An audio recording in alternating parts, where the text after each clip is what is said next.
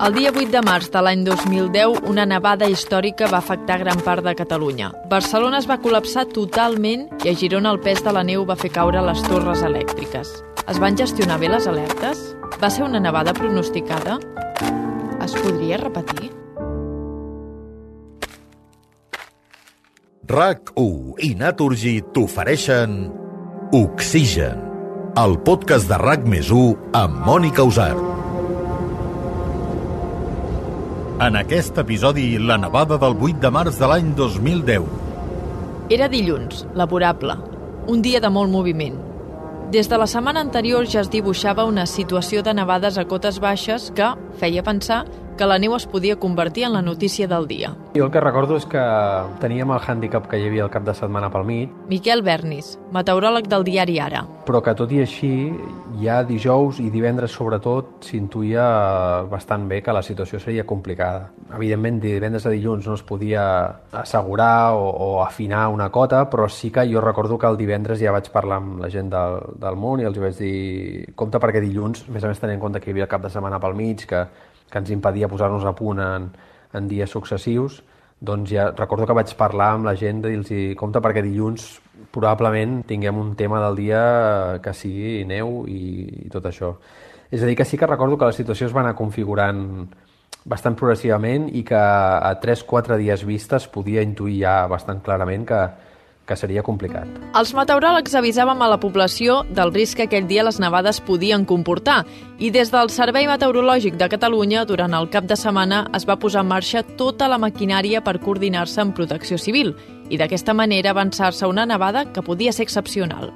Ho explica Santi Segalà, cap de predicció del Meteocat. L'episodi aquest de neu del, del, del març del 2010 va ser un episodi històric. De fet, és un episodi com n'hi ha pocs per extensió, per intensitat i per durada, i pel que fa a, a neu a cotes baixes, eh? dins del mar de neu de cotes baixes, doncs aquest és un episodi històric. En aquest episodi sí, vam estar molt contents de la, de la predicció que es va fer. Nosaltres 72 hores abans, és a dir, el, el divendres, el divendres anterior, ja vam fer un preavís, un preavís on anunciàvem un episodi de neu extens en aquell moment vam posar un llindar que era de més de 2 centímetres per sobre de 400 metres, val? una mica era el, el marc eh, d'aquest eh, preavís. Aquest llindar el vam posar per lo baixa que era la cota, és a dir, quan, vam, quan posem un llindar de 2 centímetres a 400 metres el que estem dient és que pot arribar a nevar fins al voltant dels 200 metres, més o menys, o fins i tot fins a nivell del mar, que també s'anunciava en, aquest, en aquest preavís. No? Però l'important és que ja tres dies abans vam poder dir a Protecció Civil i a la població en general doncs que això que s'esperava un episodi que estaria centrat doncs això en el dilluns eh, dia 8 de març i que eh, doncs seria extens a Catalunya i que la cota podria ser molt baixa. De seguida Miquel Bernis en aquest estudi perquè de fet ja neva ara en el que seria l'eix transversal, per entendre'ns en aquesta zona, està nevant i fort, però això... Així és com començava el programa del món a rac Tots els pronòstics anaven en la mateixa direcció i tot el dispositiu estava preparat. S'esperaven nevades de 2 centímetres a partir de 200 metres i no es descartava veure neu a nivell de mar. Durant el matí la previsió anava sobre el previst. L'Eloi Cordomí, meteoròleg de TV3, ho seguia des d'allà. La cosa va anar evolucionant durant el matí. Jo recordo que al matí encara tot era gestionable, no? Anàvem rebent fotos de les primeres nevades que anaven caient a diferents llocs, més cap a l'interior, i a mig matí em penso que ja vam fer una connexió ensenyant alguns flocs de neu que queien just davant del pati de TV3, dels jardins de TV3, no? Recordo una connexió amb el càmera, jo traient la mà i ensenyant que eh, sobre el meu jersei es començava a veure una miqueta blanc. Eh, per tant, doncs això, les cotes aquestes de 100 metres o per sota ja es començava a veure neu. I després va haver una cosa que ens va salvar una miqueta, que ens va anar molt bé, que va ser que a mig matí el Servei Meteorològic de Catalunya va publicar un mapa amb els gruixos de neu previstos.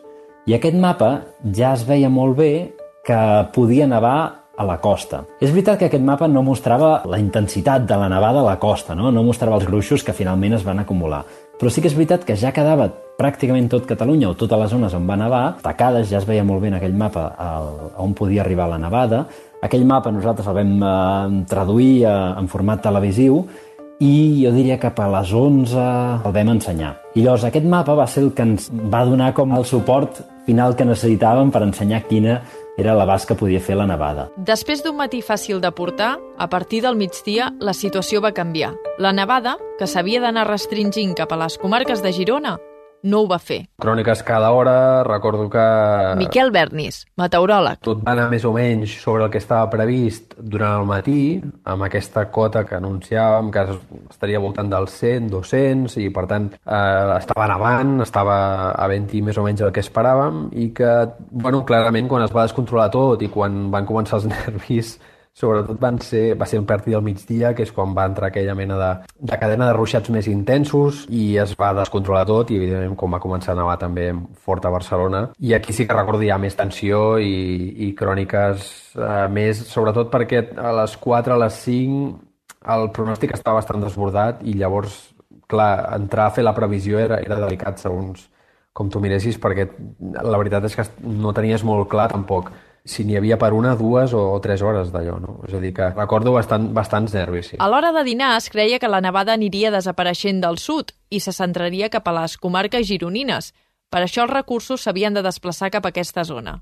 Però la nevada, lluny de desaparèixer, s'intensificava a les comarques de Barcelona i ara calia fer el seguiment en directe de tota la situació. Les previsions d'hores abans s'havien vist modificades i el seguiment minut a minut era la clau per mantenir la població informada. A partir d'aquí recordo una imatge, tinc una imatge perquè eh, aquesta reunió la vam celebrar a la sala noble del Departament d'Interior, que dona al passeig de Sant Joan de Barcelona. I nosaltres, en aquella reunió, vam dir eh, a Barcelona deixarà de nevar de manera immediata o de, durant les pròximes hores i se centrarà en aquesta nevada cap a les comarques de Girona. Aquest va ser el missatge que vam, que vam donar. I un cop acabada la reunió ens vam quedar en aquella sala, connectats amb la, amb la sala del Servei Meteorològic per seguir una mica, continuar seguint la nevada. I clar, nosaltres havíem donat aquesta pel·lícula, però veiem que Barcelona, a la, a la, al passeig de Sant Joan, continuava nevant. I els cotxes que baixaven pel passeig de Sant Joan feien unes roderes que allò semblava doncs, la Cerdanya o semblava el Pallars, no? I dèiem, ostres, és que no para de nevar a Barcelona.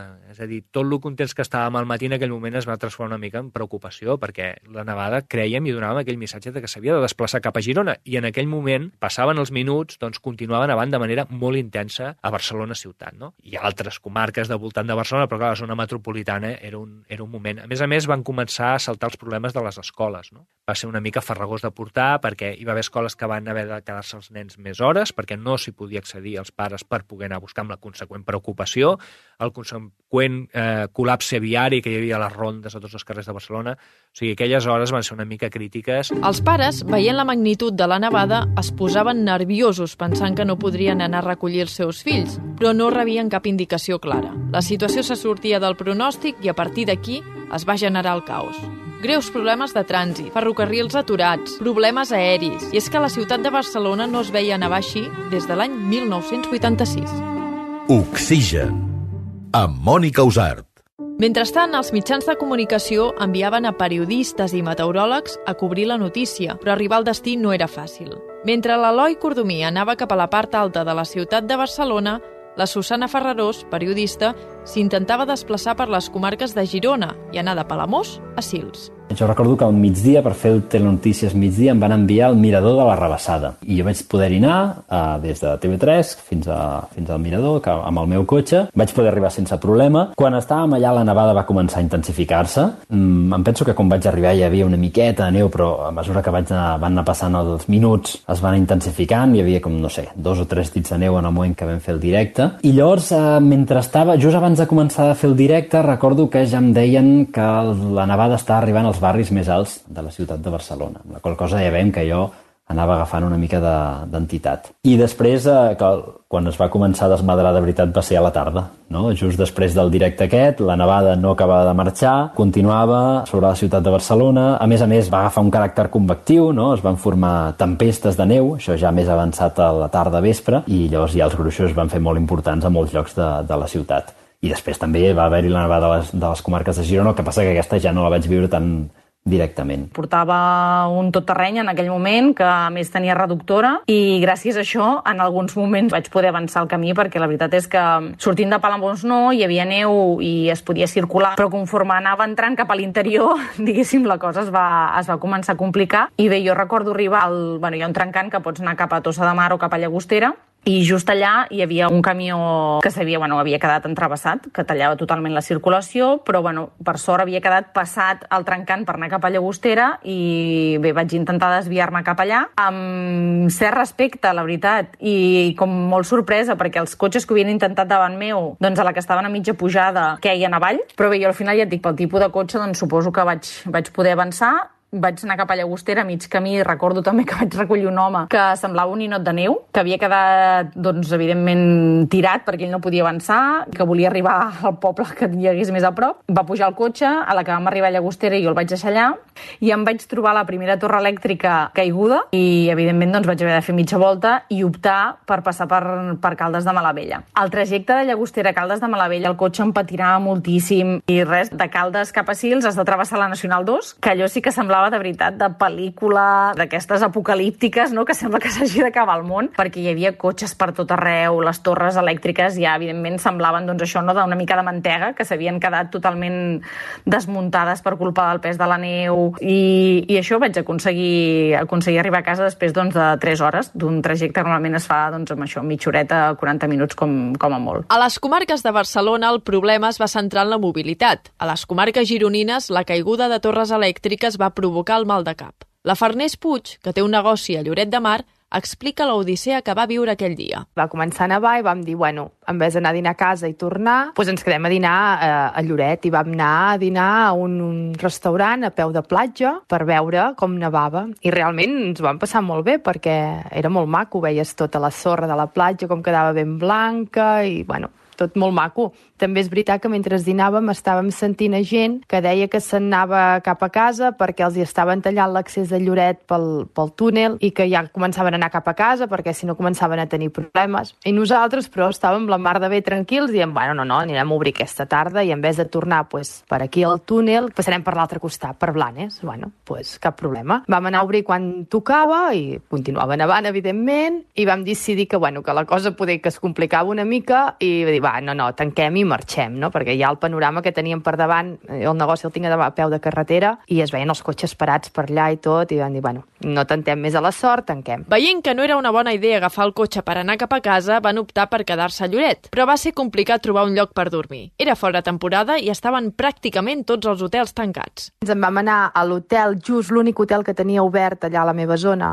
estava a davant d'on jo tinc la botiga, i ens van fer d'Hermanitas de la Caritat perquè ens van donar habitació, ens van donar un kit com de supervivència d'higiene, de pasta de dents, una tovallola i tot, perquè anàvem xops fins a, fins a dalt, perquè de deixar el cotxe fins a l'hotel. Tampoc anàvem amb abrics, no anàvem preparats per això ni molt menys, i res, vam passar la nit a l'hotel aquell, vam apanyar-nos com vam poder, ens van donar sopar i tot, i l'endemà, que ja no hi havia llum, vaig obrir la botiga, i, eh, sense llum i tot, perquè la gent venia a comprar igual, i, bueno, i gent que de fi amunt, perquè els caixers no funcionen i tot, i al final, bueno, res, vam tornar a tancar i vam aconseguir anar fins a Santa Coloma, però, bueno, quan anaves per la carretera i anaves veient el panorama que hi havia, ens posàvem les mans al cap de, de com havíem tingut la bogeria i la tonteria de voler anar fins a casa el, el dia abans, no? Oxigen. En el moment que vaig sortir del mirador a Rebassada, que devien ser les 4 de la tarda... En el moment més intens de la nevada a la ciutat de Barcelona, l'Eloi Cordomí va intentar tornar a casa. Vaig intentar baixar cap a la ronda de dalt, allà ja estava tot col·lapsat, no vaig poder entrar, després em vaig posar per alguns carrers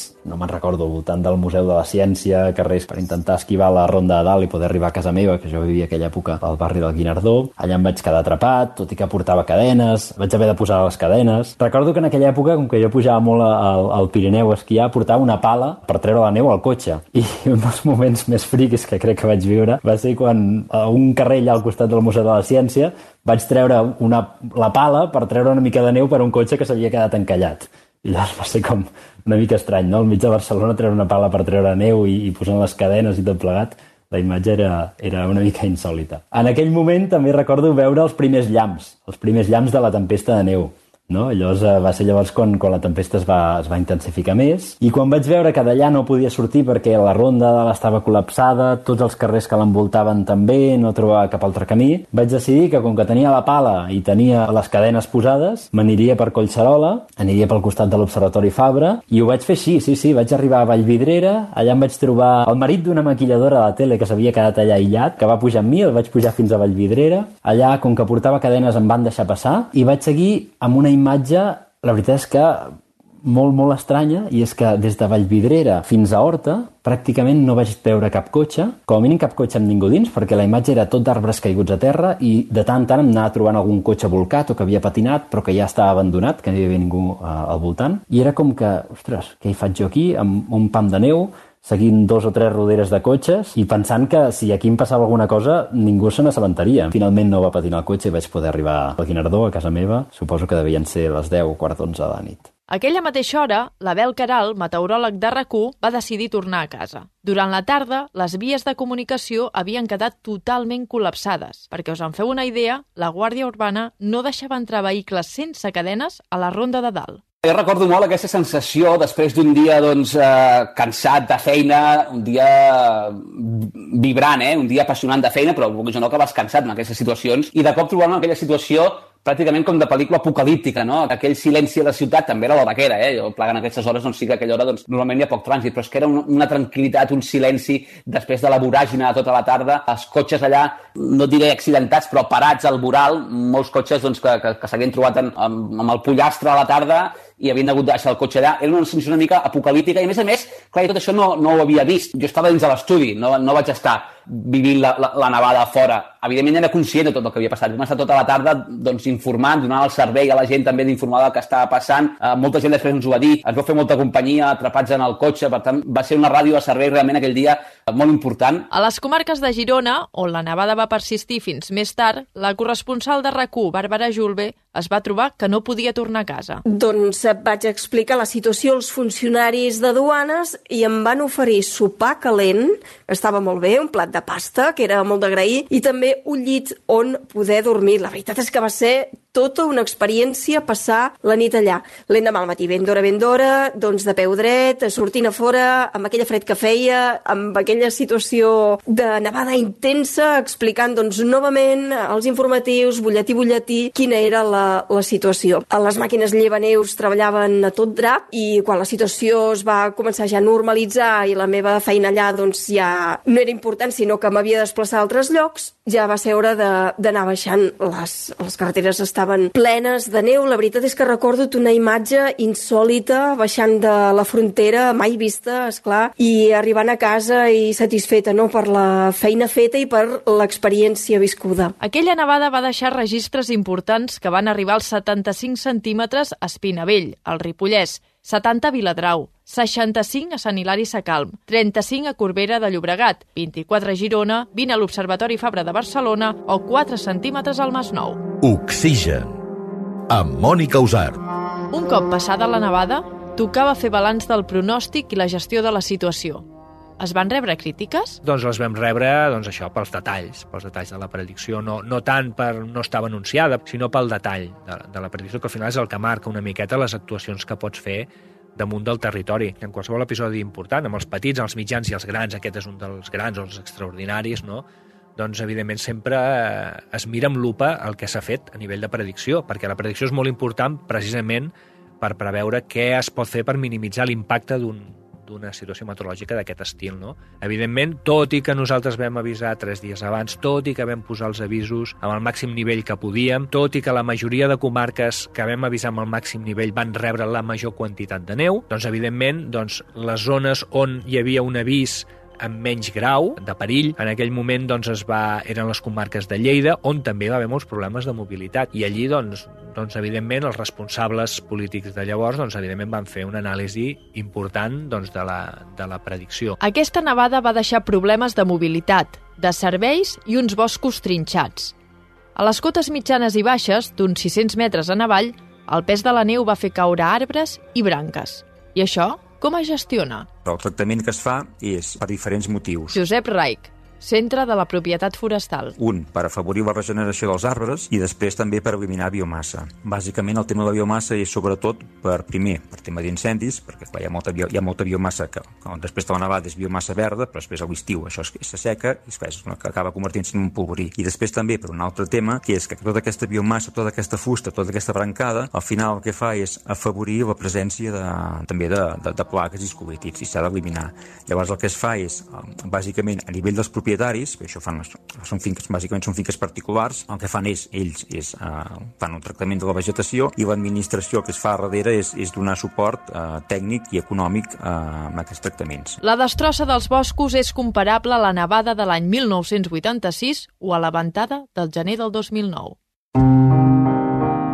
En aquest episodi hem après que no només és important el pronòstic, sinó també el seguiment en directe. Informar minut a minut pot fer que la gestió acabi sent un èxit. Oxigen. Amb Mònica Usart. Oxigen és possible gràcies a la col·laboració de Naturgy.